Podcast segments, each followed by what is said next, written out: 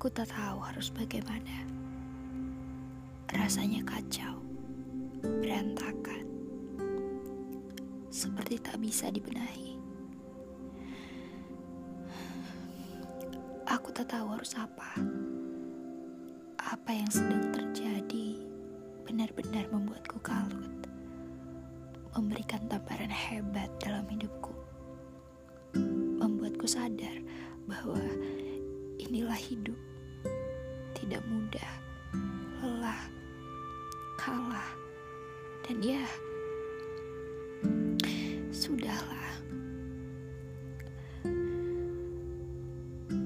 Aku sebenarnya tak mau terlalu jauh meratap.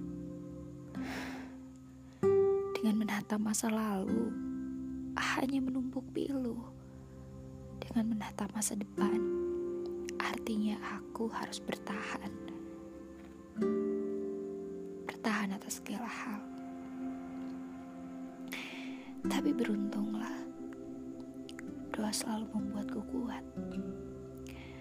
Harapan selalu membuatku ingin tetap hidup, walaupun setelahnya seperti padi yang dibiarkan menguning, namun ia gagal sebab diserang hama.